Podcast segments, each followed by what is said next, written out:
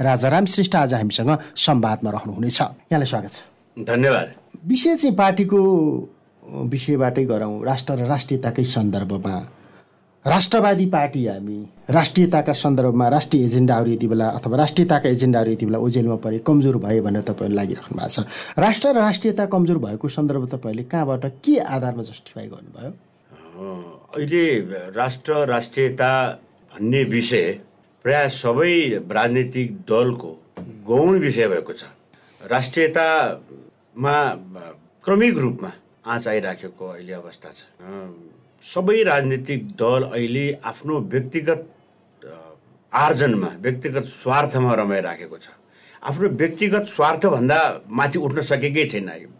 बढीभन्दा बढी पार्टीगत स्वार्थ पार्टीगत स्वार्थभन्दा माथि त कुनै पनि पार्टी अहिले उठ्न सकिराखेको अवस्थै होइन।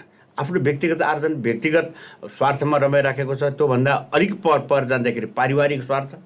र त्यो परिवारभन्दा अलिकति माथि उठेर पार्टीभित्र पनि गुटको स्वार्थ। हरेक पार्टीमा आफ्नो प्रकारको गुट। दलभित्र पनि धेरै बहुदलहरू क्रियाशील भएको अवस्था छ। त्यो केवल आफ्नो व्यक्तिगत अभिष्ट पुरा गर्नुको निमित्त मात्र क्रियाशील भएको उनीहरू देखिन्छ। राष्ट्र राष्ट्रियताको कुरा त मान्छेले गर्न छोडि नै सकेका छ। अहिले राष्ट्रिय भावना राष्ट्रिय एकताको भावना अहिले यसरी कमजोर भएर गइराखेको छ कि राजनीतिक दलको मान्छेहरूले त राष्ट्रलाई दुहेर राष्ट्रलाई बेचेर आफ्नो स्वार्थ सिद्ध गर्ने कुरा चाहिँ यहाँ अहिले वर्तमानमा देखेरका भ्रष्टाचारको काण्डहरूको गरौँ न। यो काण्डहरूको कुरा गर्दाखेरि ठेलिका ठेली किताब बन्ने भइसक्यो। मुलुकको राष्ट्रियताको भोल्यो बनाउनुको निमित्त यो गरेँ भन्ने कुरा राजनीतिक दललाई छैन। अहिले त एउटा दर्दनाक स्थिति एउटा लज्जाबोधको स्थिति छ। विदेशीको अगाडि लम्पसार पर्ने सरकार बनाउन सरकार टिकाउनुको निमित्त सरकारको स्वार्थमा सर सरकार विदेशीको इसारामा लाग्ने कहिले दक्षिणतिर अडेस ल्याएको छ। कहिले पश्चिमतिरको सहयोग खोजेको छ कहिले उत्तरतिर अडेस लाउनु खोजेको छ। के गर्दाखेरि सत्ता प्राप्ति हुन्छ र के गर्दाखेरि त्यो सत्तामा जो लोलोपोतो गरेर बस्न पाइन्छ सत्ताको स्वार्थ चाहिँ लुटेर बस्न पाइन्छ भन्ने नै अहिले सबै राजनीतिक दलको प्रायः सबै राजनीतिक दलको अभिष्ट बनेको छ। अब जहाँसम्म राष्ट्रिय प्रजातन्त्र पार्टीको कुरा छ राष्ट्रिय प्रजातन्त्र पार्टी जन्मिँदै एउटा वैकल्पिक राष्ट्रवादी प्रजातान्त्रिक शक्ति बनाउने भन्ने एउटा पवित्र उद्देश्य लिएर बनेको हो। यसरी अहिले राष्ट्रिय प्रजातन्त्र पार्टी पनि मुलुकको राष्ट्रिय राजनीतिमा हस्तक्षेपकारी भूमिका निर्वाह गर्न सक्ने अवस्थामा हुनुपर्थ्यो। यो राष्ट्रवादी शक्ति कमजोर भएको कारणले गर्दाखेरि राष्ट्रिय एकताको भावना पनि कमजोर भएर गइराखेको छ र राष्ट्रियता हाम्रो पनि अहिले कमजोर भएको अवस्था छ। अब यो विषयान्तर गर्न मिलेन संविधान दिवसको सन्दर्भमा छौँ हामी फेरिमा छौँ। राष्ट्रिय एकताको दस्तावेज संविधान हो तर तपाईँहरू संविधान पनि मानिदिनुहुन्न फेरि। संविधानमा भएका मूलभूत कुराहरू तपाईँहरूलाई सर्वस्वीकार्य हुँदैन। होइन हामी संविधानलाई चाहिँ पूर्ण रूपमा मान्दैन भने भनेका छैनौँ। यो संविधानलाई हामीले आलोचनात्मक समर्थन गरेका छौँ। राष्ट्रिय प्रजातन्त्र पार्टीले अङ्गीकार गरेको एजेन्डाहरू यो संविधानले सम्बोधन गर्न सकेको छैन। एउटा त्यो त्यो भनेको मतलब जनताको भावना यो संविधानले समेट्न सकेन। जनताको भावना प्रतिबिम्बित छैन यो संविधानमा। यो संविधान एउटा समाधान गर्नुको निमित्त कुनै पनि प्रकारले सफल भएन। अहिले आठ वर्ष पुरा भएर नौ वर्ष लाग्यो दुई हजार बहत्तरको यो संविधान। यो संविधानले मुलुकमा समस्या सिर्जना गर्ने बाहेक भएका समस्याहरूको समाधान गर्नुको निमित्त कुनै पनि भूमिका योगदान यसले गर्न सकेन। यो कुनै पनि देशको संविधान भनेको त्यो संविधानले मुलुकमा भएको व्यवधानलाई समाधान गर्नुपर्ने ठाउँमा यो संविधान आफै समस्याको रूपमा उत्पन्न भएको कारणले गर्दाखेरि यो संविधानप्रति नेपाली जनताको आस्था पनि छैन नेपाली जनताको भरोसा पनि छैन। यो संविधान रहन्जेलसम्म मुलुकको भविष्य झन् अनिश्चित र अन्यल हुने र एउटा खतरापूर्ण अवस्थामा जाने टड्कारो अवस्था छ। यो संविधानलाई वास्तवमा भन्ने हो भनेदेखि नेपाली जनतादेखि राष्ट्रपतिसम्मले मानेकै छैन। मौका पर्यो भने यो संविधानको उल्लङ्घन गर्ने काम सरकार र राष्ट्रपति आफैले पनि गरिराख्यो। कयौँ उदाहरणहरू अब हामी विगतको घटनाक्रमबाट हामीले हेरिराखेकै छौँ। यो संविधान समाधान होइन यो संविधान आफै व्यवधान हो। अनि यो व्यवधान हो भने तपाईँहरू चाहिँ किन त संविधानका संविधानलाई उपयोग गर्ने सन्दर्भमा चाहिँ एउटा उखान छ नि माछा भेट्यो भने दुलाभित्र हात सर्प भेट्यो भने खोकिलामा हात भने जस्तो। आफ्नो अनुकूलतामा प्रयोग गर्न पाइयो भने चाहिँ संविधानभित्रै बसेर तपाईँहरू सरकारमा पनि गइदिने सभामुख पनि खाइदिने मुख्यमन्त्री पनि दाबी गरिदिने। आफ्नो प्रतिकूल भइदियो भने चाहिँ संविधानको आलोचना मात्रै गर्ने। एकरूपता हुनु पर्दैन र। होइन यो यो यो हामी चाहिँ मुलुकमा द्वन्द्व सिर्जना गरेर मुलुकलाई भड्खालोमा हालेर हाम्रो आफ्नो राजनीतिलाई अगाडि बढाउन हामी चाहँदैनौँ।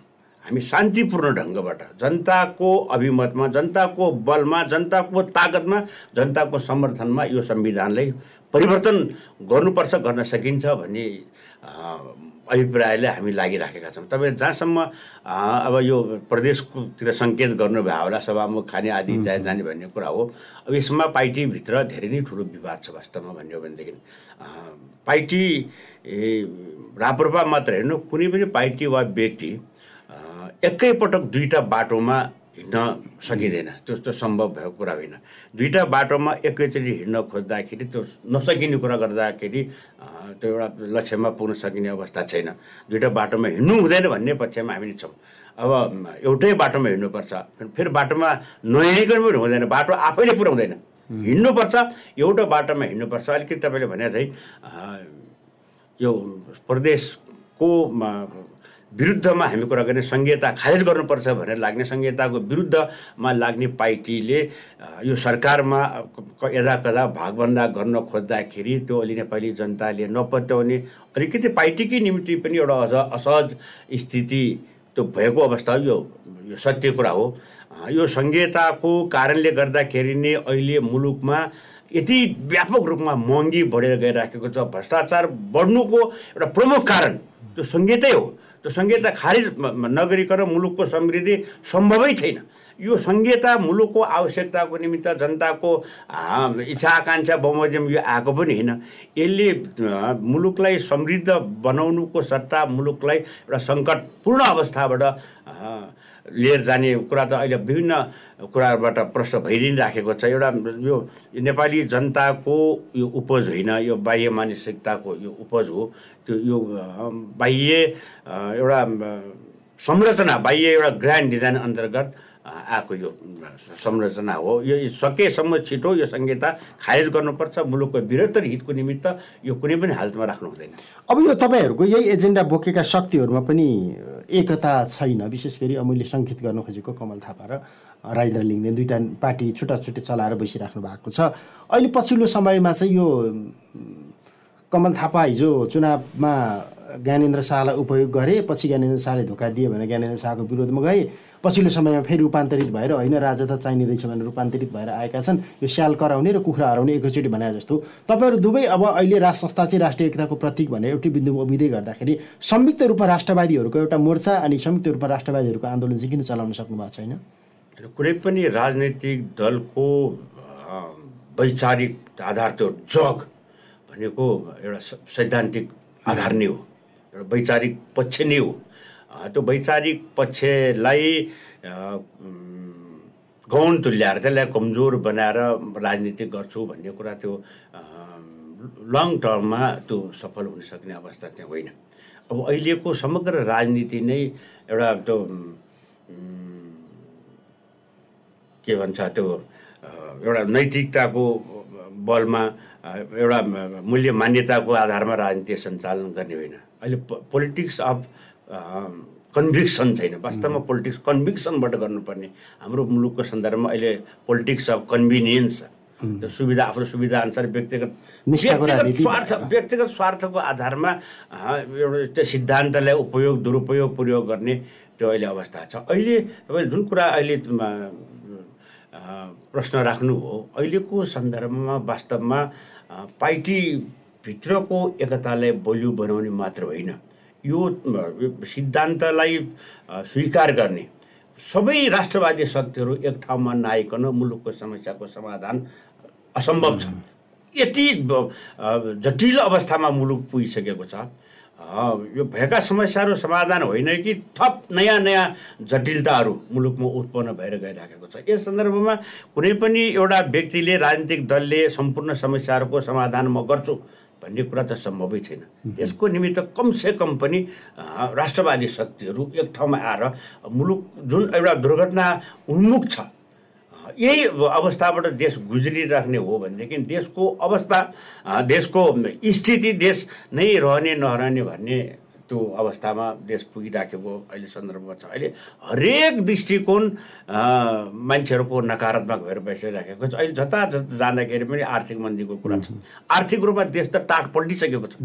तपाईँले तपाईँ बेरोजगारीको कुरा त विकराल रूपमा छँदैछ। बेरोजगारी सिर्जना गरेको नेपाली जनताले होइन नि। बेरोजगारी सिर्जना गरेको राजनीतिक दल र सरकारले नै हो। यहाँ निरङ्कुश भनिएको पञ्चायत व्यवस्थाले स्थापना गरेका ठुल्ठुला कल कारखानाहरू कौडीको मूल्यमा बेच्ने काम भयो। बात यो यस्तो वातावरण सिर्जना गर्यो कि मुलुकमा युवाहरू यहाँ बस्न सक्ने अवस्था नै सिर्जना भएन कि एउटा कल कारखाना बन्द भएपछि बेरोजगारी भएपछि पेट पाल्नुको निमित्त विदेशी पर्ने त्यो बाध्यात्मक अवस्था सिर्जना भयो। अनि हामी कुरा चाहिँ समृद्धिको कुरा गर्छौँ। उत्पादन छैन रोजगारी छैन यहाँ बजारको कुनै व्यवस्थापन छैन अनि समृद्धिको कुरा गर्छौँ। अब हरेक सिजनमा रोपाइँको बेलामा खेतीपातीको बेलामा मल पाइँदैन हाहाकार गरिन्छ। त्यो यसको एउटै मात्र कारण के हो भने त्यसमा कमिसनको खेल छ भ्रष्टाचारको खेल छ। सहज रूपमा त कुनै पनि वस्तुको आपूर्ति भयो भने त्यहाँ आर्थिक चलखेल गर्न पाइँदैन। अब यो समृद्धि चाहिँ तब हुन्छ जब यहाँ हामी उत्पादन बढाउँछौँ। रोजगारी दिन्छौँ। र त्यहाँ यहाँ उत्पादित वस्तुहरूलाई राम्रो बजारको व्यवस्था गऱ्यो भने नि समृद्धिको कुरा हुन्छ। कृषिमा आधुनिकीकरण गर्नु वैज्ञानिकीकरण गर्नु पऱ्यो उद्योगमा आधुनिकीकरण गर्नु पऱ्यो रोजगारीको स्थिति सिर्जना गर्नु अनि पो हुन्छ। हामी आफ्नो या बलियो श्रम बाहिर निर्यात गर्छौँ अनि महँगा चिजवस्तुहरू यहाँ हामी आयात गर्छौँ। अनि यसले समृद्धि आउँछ र भनेको। यो त हामीले त चिजवस्तु यहाँ उत्पादन गरेर त्यसलाई बाहिर निर्यात पो गर्न सक्नु पऱ्यो त भनेको अनि नै अनि समृद्धिको कुरा हुन्छ। यो भाषणले समृद्धि आउँदैन भन्ने कुरा चाहिँ विगत केही वर्षबाट त हामीले देखाइसकेको छ। जनताले अब चिन्न थालिसकेको छ। को कसले चाहिँ को मिठा कुरा गरेर जनता ठग्ने र साँच्चै काम गर्ने चाहिँ को को हुन् भन्ने कुरा जनताले देखिसकेको छ। अहिलेको स्थिति हेर्नुहोस् त जनता यो हाम्रो नेपाली युवा जो देश बनाउने औजार हो देश बनाउने हतियार हो नेपाली युवा शक्ति भनेको। त्यसलाई चाहिँ देश देशभित्र आफ्नो भविष्य देखाएको छैन। कुनै अवसर छैन। भविष्य भाग्य छैन। अवसर भाग्य भविष्य नजिसिएपछि कहाँ अनि नेपालमा युवा शक्तिलाई अडाउन सकिन्छ। यहाँ युवाहरूले प्रत्येक नेपालीलाई नेपालमै बसेर केही गरौँ भन्ने भावना विकसित गराउने त्यो अवसर सिर्जना त सरकारले गर्नु दलले गर्नु पऱ्यो नि। अब यहाँ त सब विदेश पलायन हुने अलिक अलिकति राम्रो पढ्ने राम्रो काम गर्ने मनस्थिति भएका मान्छे नेपालमा बस्न नसक्ने स्थिति त सरकार र सब राजनीतिक दलले नै सिर्जना गरेको यहाँनिर तपाईँले अघि माथि भने राष्ट्रवादी शक्तिको बिचमा एकता हुनुपर्छ भन्दै गर्दाखेरि शक्तिको कुरामा नजाउँ अब राष्ट्रवादी विचारकहरूको बिचमा ध्रुवीकरणको आवश्यकता चाहिँ देखिराखेको छ नि जस्तो विश्वेश्वर प्रसाद कोइरालाको सन्दर्भमा गरेको एउटा कार्यक्रममा नेपाली कङ्ग्रेसका युवा नेता गएर चन्द्र भण्डारी गएर त्यो खालको अभिव्यक्ति दिए र ती त्यस्ता विचारकहरू अहिले विभिन्न राजनीति पार्टीभित्र देखिरहेका छन्। तपाईँहरू शक्तिको कुरा गरिराख्नु भएको छ तर राष्ट्रले चाहिँ विचारकहरूका बिचमा चाहिँ ध्रुवीकरण आवश्यक हो कि भनेर बुझिराखे जस्तो देखिन्छ नि। राष्ट्रवादी विचारकहरूको बिचमा ध्रुवीकरणको सम्भावना छैन? आवश्यकता त भइसक्यो। त्यो हो। तपाईँले सम्भावना नभएको कुरा होइन। अहिले अत्यन्तै ठुलो आवश्यकता भइसक्यो। मैले अघि पनि निवेदन गरेँ अहिले देशको स्थिति जाति भयावह स्थितिबाट गुजिराखेको छ। हाम्रो आर्थिक सूचकाङ्कहरू सबै नकारात्मक छन्। अब तपाईँ सहकारीको कुरा गर्न जानुहुन्छ भने त पैसा राख्ने कोही राख्न जाँदैनन् आफ्नो राखेको पैसा पनि पाइँदैन निकाल्न नसक्ने अवस्था छ पैसा दिँदैन पाइँदैन। अब त्यो स्थिति अन्य वित्तीय संस्थाहरूमा पनि नपरोस् भन्ने त चेष्टा त्यो प्रयास त गर्नु पऱ्यो नि त्यस्तो प्रयास कहीँ कतै पनि छैन। देश जोगाउने ठुलो कुरा हो। देश पहिला रहनु पऱ्यो देशको साधारण सत्ताको पहिला रक्षा गर्नु पऱ्यो देशको राष्ट्रियताको पहिला रक्षा नगरिकन हामीले राजनीति गर्न सक्दैनौँ भन्ने कुरो त्यो चेत त सबै राजनीतिक दलका र तिनका नेताहरूमा खुल्नु पऱ्यो नि। अहिले त्यो त्यतापट्टि छँदै छैन। सबै राजनीतिक दलका ठुला राजनीतिक दल भन्नेका नेताहरू सब बिकाउ भइसके। विदेशीको इसारामा चल्ने।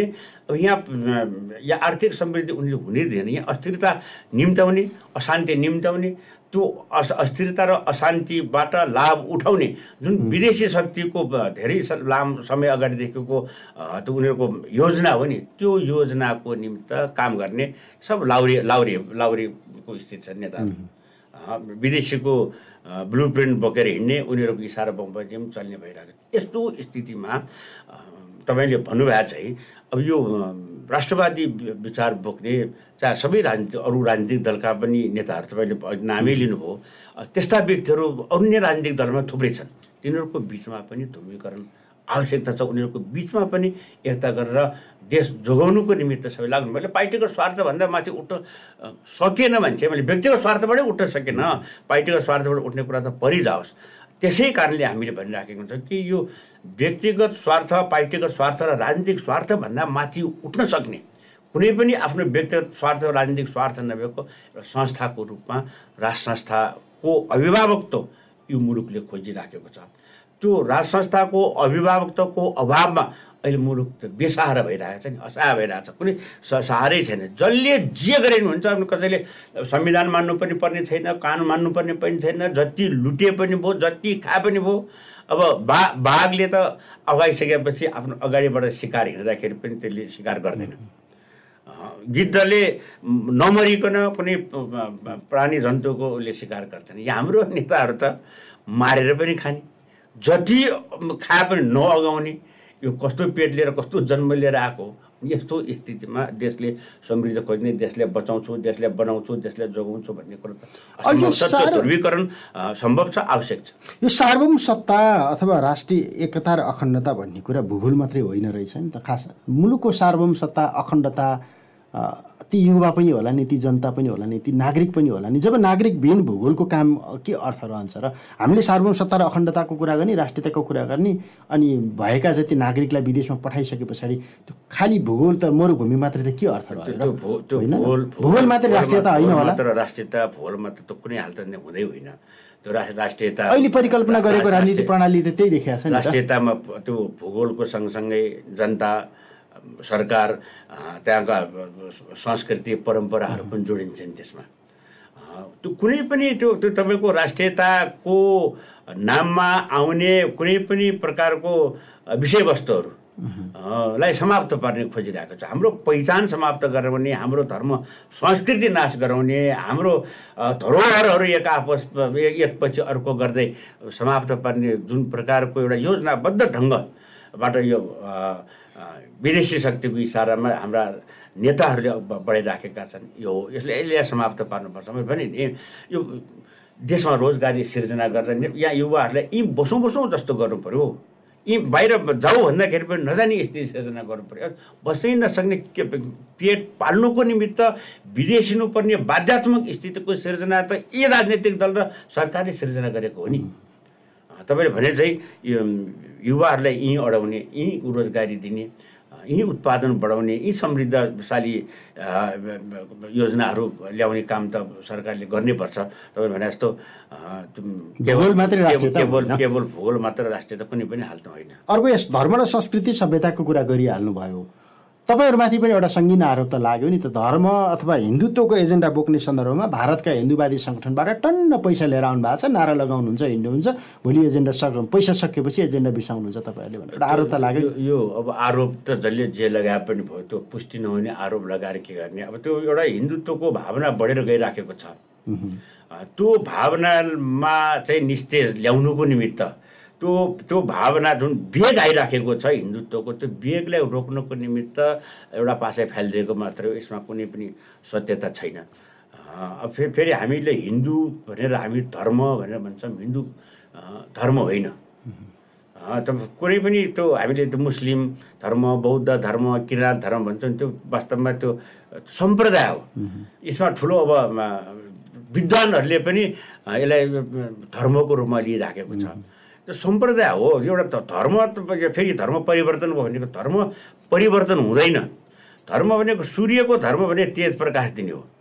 त्यसको धर्म परिवर्तन हुन्छ। कसैले परिवर्तन गर्ने भने तपाईँ श्वास प्रश्वास गर्नुहुन्छ त्यो तपाईँ नाक मुखबाट श्वास प्रश्वास गर्नु त्यो नाक मुखको धर्म हो। त्यो त्यो त्यो त्यसलाई परिवर्तन गर्न सकिन्छ। त्यो सम्प्रदाय परिवर्तन हुन्छ।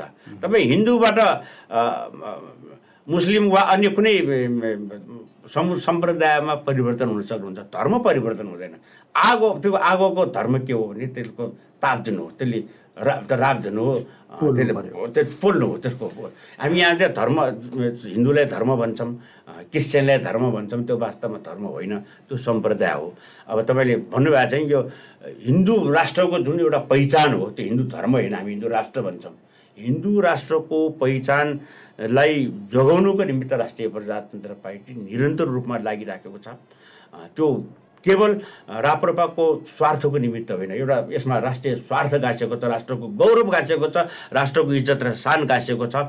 अब यो हिन्दू राष्ट्रले मुलुकमा आर्थिक समृद्धि पनि ल्याउन सक्ने अवस्था छ। किन भन्दाखेरि यो त मुलुकको एकमात्र हिन्दू राष्ट्र देश विश्वको एकमात्र हिन्दू राष्ट्र पर्यटकीय हिसाबले हिन्दू राष्ट्रमा भएका यहाँका सांस्कृतिक कुराहरू धार्मिक कुराहरू अवलोकन गर्नुको निमित्त करोडौँ सङ्ख्यामा नेपालमा एउटा पर्यटकको रूपमा भित्राउन सक्ने अवस्था छ यावत कुराहरू छ। यसको नाफा बाहेक हिन्दू राष्ट्र हुँदाखेरि नोक्सान कुनै पनि छँदैन छैन।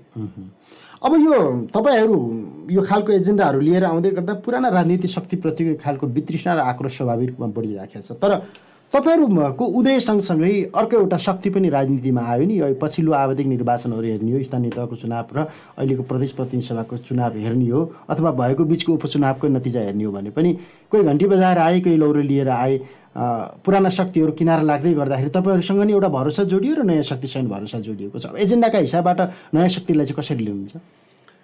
अब त्यो ठुला राजनीतिक दलहरू काङ्ग्रेस कम्युनिस्ट यो माओवादीहरू पूर्ण रूपमा असफल भए। उनीहरूले जुन आश्वासन दिए प्रलोभन जनताको अगाडि देखाए तिसौँ वर्ष चौतिस वर्ष कति भयो बहुदलीय व्यवस्था आएको पनि कुनै पनि प्रकारको नेपाली जनताको इच्छा आकाङ्क्षा परिपूर्ति गर्नमा कुनै पनि योगदान पुर्याउनै सकेन। पुर्याउने चेष्टै गरेन। आफै लाभ हासिल गर्नेतिर मजालाई जनताले चिने उनीहरू मात्र असफल भएन। देशलाई समेत असफल बनाउने तर्फ धकेल्ने काम भयो। नेपाली जनताले विकल्प खोजेको पक्कै नै हो। अब काङ्ग्रेस माओवादी एमाले पूर्ण रूपमा असफल भइसकेपछि त्यसको विकल्पमा रहेको राष्ट्रिय प्रजातन्त्र पार्टी। राष्ट्रिय प्रजातन्त्र पार्टी घोषणा हुँदाखेरि नै यसको प्रस्तावनामा प्रजातान्त्रिक राष्ट्रवादी वैकल्पिक। शक्तिको रूपमा भने स्थापना भएको हो। त्यो ती राज त्यो काङ्ग्रेस माओवादी एमाले पूर्ण रूपमा असफल भइसकेपछि विकल्पमा रूपमा रहेको राप्रपाको उदय हुनुपर्ने हो उदय भनेको पहिलो शक्तिको रूपमा राप्रपा रहनुपर्ने हो। बाटो बिराउनु भयो एउटा वै वैचारिक सैद्धान्तिक पक्षबाट साँच्चै नै भन्यो भनेदेखि विकल्पको पार्टी राप्रपा नै हो। अब त्यति हुँदाहुँदै पनि राप्रपा चाहिँ एउटा पहिलो शक्तिको रूपमा किन उदाउन सकेन भन्ने कुरा एउटा त्यो विवेचना विश्लेषणको स्थिति छ यो गर्नैपर्छ समीक्षा गर्नुपर्ने त्यो अवस्था छ। अब तपाईँले जुन यो नयाँ शक्तिको कुरा गर्नुभयो त्यो नयाँ विकल्प खोज्ने क्रममा कुनै नीति विचार सिद्धान्त नभएको व्यक्ति दलहरूको पक्षमा जबरजस्ती ढङ्गबाट नेपाली जनताले त्यो एउटा आक्रोश पक्ने त्यो काम नेपाली जनताले गरिराखेको छ। त्यो त्यो आक्रोश काङ्ग्रेस माओवादी एमाले प्रति जो पुराना राजनीतिक दल हामी ठुला राजनीतिक दल भन्ने दम्ब गर्छन्। तिनीहरूको विकल्पको वास्तवमा राष्ट्रिय प्रजातन्त्र पार्टी नै हो। तर मार्केटिङ गर्न सक्नु भएन त्यो त्यो त्यो पक्कै हो। त्यो मार्केटिङ त्यो हामीले गर्न सकेनौँ। त्यो असली चिजको विज्ञापन गर्न टाइम पनि लाग्छ। नक्कली चिजको विज्ञापन चाँडै हुन्छ। यसो आकर्षण पनि गर्न सकिन्छ। वास्तवमा यो असली चिज हो यो। त्यो तपाईँले कोही शब्दमा भन्ने हो भनेदेखि राम्रो पाऱ्यो राम्रो मार्केटिङ गर्न सकेको कुरा सत्य हो। अब आबादिक निर्वाचन मिसन चौरासी भनेर कतिपय राजनीतिक पार्टीहरू लागिरहेका छन्। मिसन चौरासी चौरासी पछाडि फेरि मिसन अर्को होला। आवधिक चुनावको लागि मात्रै कसरी हुन्छ चुनाव जितेर आउने सत्ता कब्जा गर्ने भन्ने एउटा राजनीतिक अभ्यासमा मुलुक योभन्दा अघिल्लो चुनाव सकिए लगतैबाट फेरि लागिसकेको छ। तपाईँहरूको चाहिँ रणनीति के छ? चौरासीसम्म पुग्दै गर्दाखेरिको रणनीति? होइन हामीले वास्तवमा सुन्नुहोस् यो राप्रपाको निमित्त दुई चार सिट बढाउने भन्ने कुरा होइन। राप्रपाले त मुलुक जुन अहिले खतराको स्थितिमा छ मुलुकको हामीले लामो समय छलफल गरौँ राष्ट्रियता को स्थिति ज्यादै नाजुक भएर गइरहेको त्यसलाई कसरी उठाउने र राष्ट्रियतालाई कसरी बलियो बनाउने भन्ने नै सबैभन्दा ठुलो कुरा हो। दुई चार सिट पाँच दस सिट पन्ध्र बिस सिट सिटेर राप्रपाको एजेन्डा स्थापित हुँदैन। मुलुकको राष्ट्रियता मुलुकको स्वाभिमान र मुलुकको स्वाधीनता बस्न सक्दैन। त्यसको निमित्त जनतामा निरन्तर जाने एउटा आन्दोलनको स्थिति सिर्जना गर्नुपर्छ। जनताले आन्दोलित गर्नुपर्छ जनताले प्रशिक्षित र जनताले सुशिक्षित गरेर जानुपर्ने छ यो के केवल दुई चार सिट जित्ने सरकारमा हालिमुहाली गर्ने सरकारमा भागभन्डा खोज्ने वा सरकारको नेतृत्व गर्ने त्यो काममा अहिले राप्रपा लागेको छैन। अहिले चुनावलाई भन्दा पनि एउटा आन्दोलन गरेर राप्रपाले लिएको एजेन्डालाई स्थापित गर्ने एउटा पहिलो प्राथमिकता मानेर गइराखेको छ। अहिले चुनावमा ध्यान दिएको छैन। फुट्दै हुनुहुन्छ अरे तपाईँहरू पनि फेरि। वैचारिक रूपमा पार्टीगत रूपमा नेताहरू गुटबन्दी गर्न थाल्नु भएको छ मोर्चाबन्दी गर्न थाल्नु भएको छ। कोही घरमा भेला कोही घरमा कि असन्तुष्टिहरू तीव्र छ तपाईँहरूको पार्टीभित्र पनि भनिन्छ। अब सन्तोष एउटा जीवन्त पार्टीमा मतभिन्नता हुने त्यसलाई अस्वाभाविक रूपमा लिन सकिँदैन। पाइट जहाँसम्म त्यसले पाइटी फुट्छ प्रापर अब सित्तिमिति फुट्दैन। यो पाइटी फुटेर अहिलेको स्थितिमा आयो यति ठुलो एउटा साँच्चीकै राष्ट्रवादी प्रजातान्त्रिक शक्ति भइभइकन पनि पहिलो पार्टी हुनुपर्ने अवस्था हुँदा हुँदै पनि पहिलो हुन नसकेको कारण विभिन्न चरणमा यो फुटको स्थितिले गर्दाखेरि पनि हो। अब सित्तिमिति राप्रपा फुट्दैन। यो फुट्नै मिल्दैन। कसरी फुट फुट्छ अब फुट्न मिल्दैन? राप्रपाले त्यसो भने राजतन्त्र चाहिँ राज संस्था चाहिँ फिर्ता ल्याउँछ राप्रपा राज संस्था फिर्ता गराउनुको निमित्त राज संस्था पुनस्थापना गर्नुको निमित्त निरन्तर लागिरहन्छ। जबसम्म यो राज संस्था मुलुकमा फिर्ता हुन्न तबसम्म मुलुकको सुरक्षा सम्भव छैन। संहिता खारिज गर्नुहुन्छ। संहिता मुलुकले धान्नै सक्दैन। यो रा केवल राप्रपाको एकल पार्टीको यो एजेन्डा होइन। यो मुलुकको एजेन्डा बनाउनुपर्छ यसलाई। राष्ट्रिय एजेन्डा बन्न सकेन नि त आठ यो निरन्तर निरन्तर लागिराख्यो भने हरेक कुराको सम्भावना छ। हरेक कुरा सम्भव छ। गर्नुपर्छ लाग्नुपर्छ सम्भव छ। यो मुलुकको रक्षाको निमित्त राज संस्था सहितको लोकतन्त्र अपरिहार्य छ। यो मुलुकको आर्थिक अवस्था डामाडोल नगराउनुको निमित्त संहिता बिख हो यो मुलुकको निमित्त। यो यो मुलुकको निमित्त गलगाड हो। केही मान्छेहरूले चाहिँ यसलाई गहनाको रूपमा उपयोग गरेर त्यो त्यो गहना देखाएर आफ्नो अभिष्ट पुरा गर्ने कामहरू भइराखेको छ। यो संहिता खारिज गर्नुपर्छ राष्ट्र संस्था चाहिन्छ। र हरेक हाम्रो मुलुकको पहिचान मुलुकको स्वाभिमान जोगाउनुको निमित्त हामीले गुमाएका हिजो हाम्रो धरोहरलाई पुनस्थापित गर्नुपर्छ। भनेपछि हिन्दू राष्ट्र पनि कायम हुन्छ। काम गर्नै पर्छ नि। मैले त यो हिन्दू राष्ट्र नेपाल हो भन्ने कुरा त यहाँको जनगणनामा जुन परिणाम आउँछ नि त्यो आफै एउटा जनमत हो। त्यो हिन्दू राष्ट्रको पहिचानलाई यसरी विदेशी शक्तिको इसारामा विभिन्न प्रलोभनमा यसलाई समाप्त पारियो नि। त्यो जो हिजो हिन्दू राष्ट्र समाप्त पारेर धर्मनिरपेक्ष गर्ने यो संहिता ल्याउने र गणतन्त्रको पक्षधर थिए नि सबैभन्दा बढी निराश कोही छन् भने तिनीहरू नै बढी निराश छन् संहिताबाट। गणतन्त्रबाट र धर्मनिरपेक्षबाट। हामी त सुरुदेखि नै यो धर्मनिरपेक्षता गणतन्त्र सङ्घीयता मुलुकको निमित्त हित हितकर छैन भनेर त हामीले पहिल्यैदेखि भनिराखेका छौँ। अरूले भन्न थाल्यो। त्यस कारणले पनि यो सङ्घीयता पनि रहँदैन धर्मनिरपेक्षता पनि रहँदैन र गणतन्त्र पनि रहँदैन। हुन्छ समय र सम्वादलाई धन्यवाद। धन्यवाद।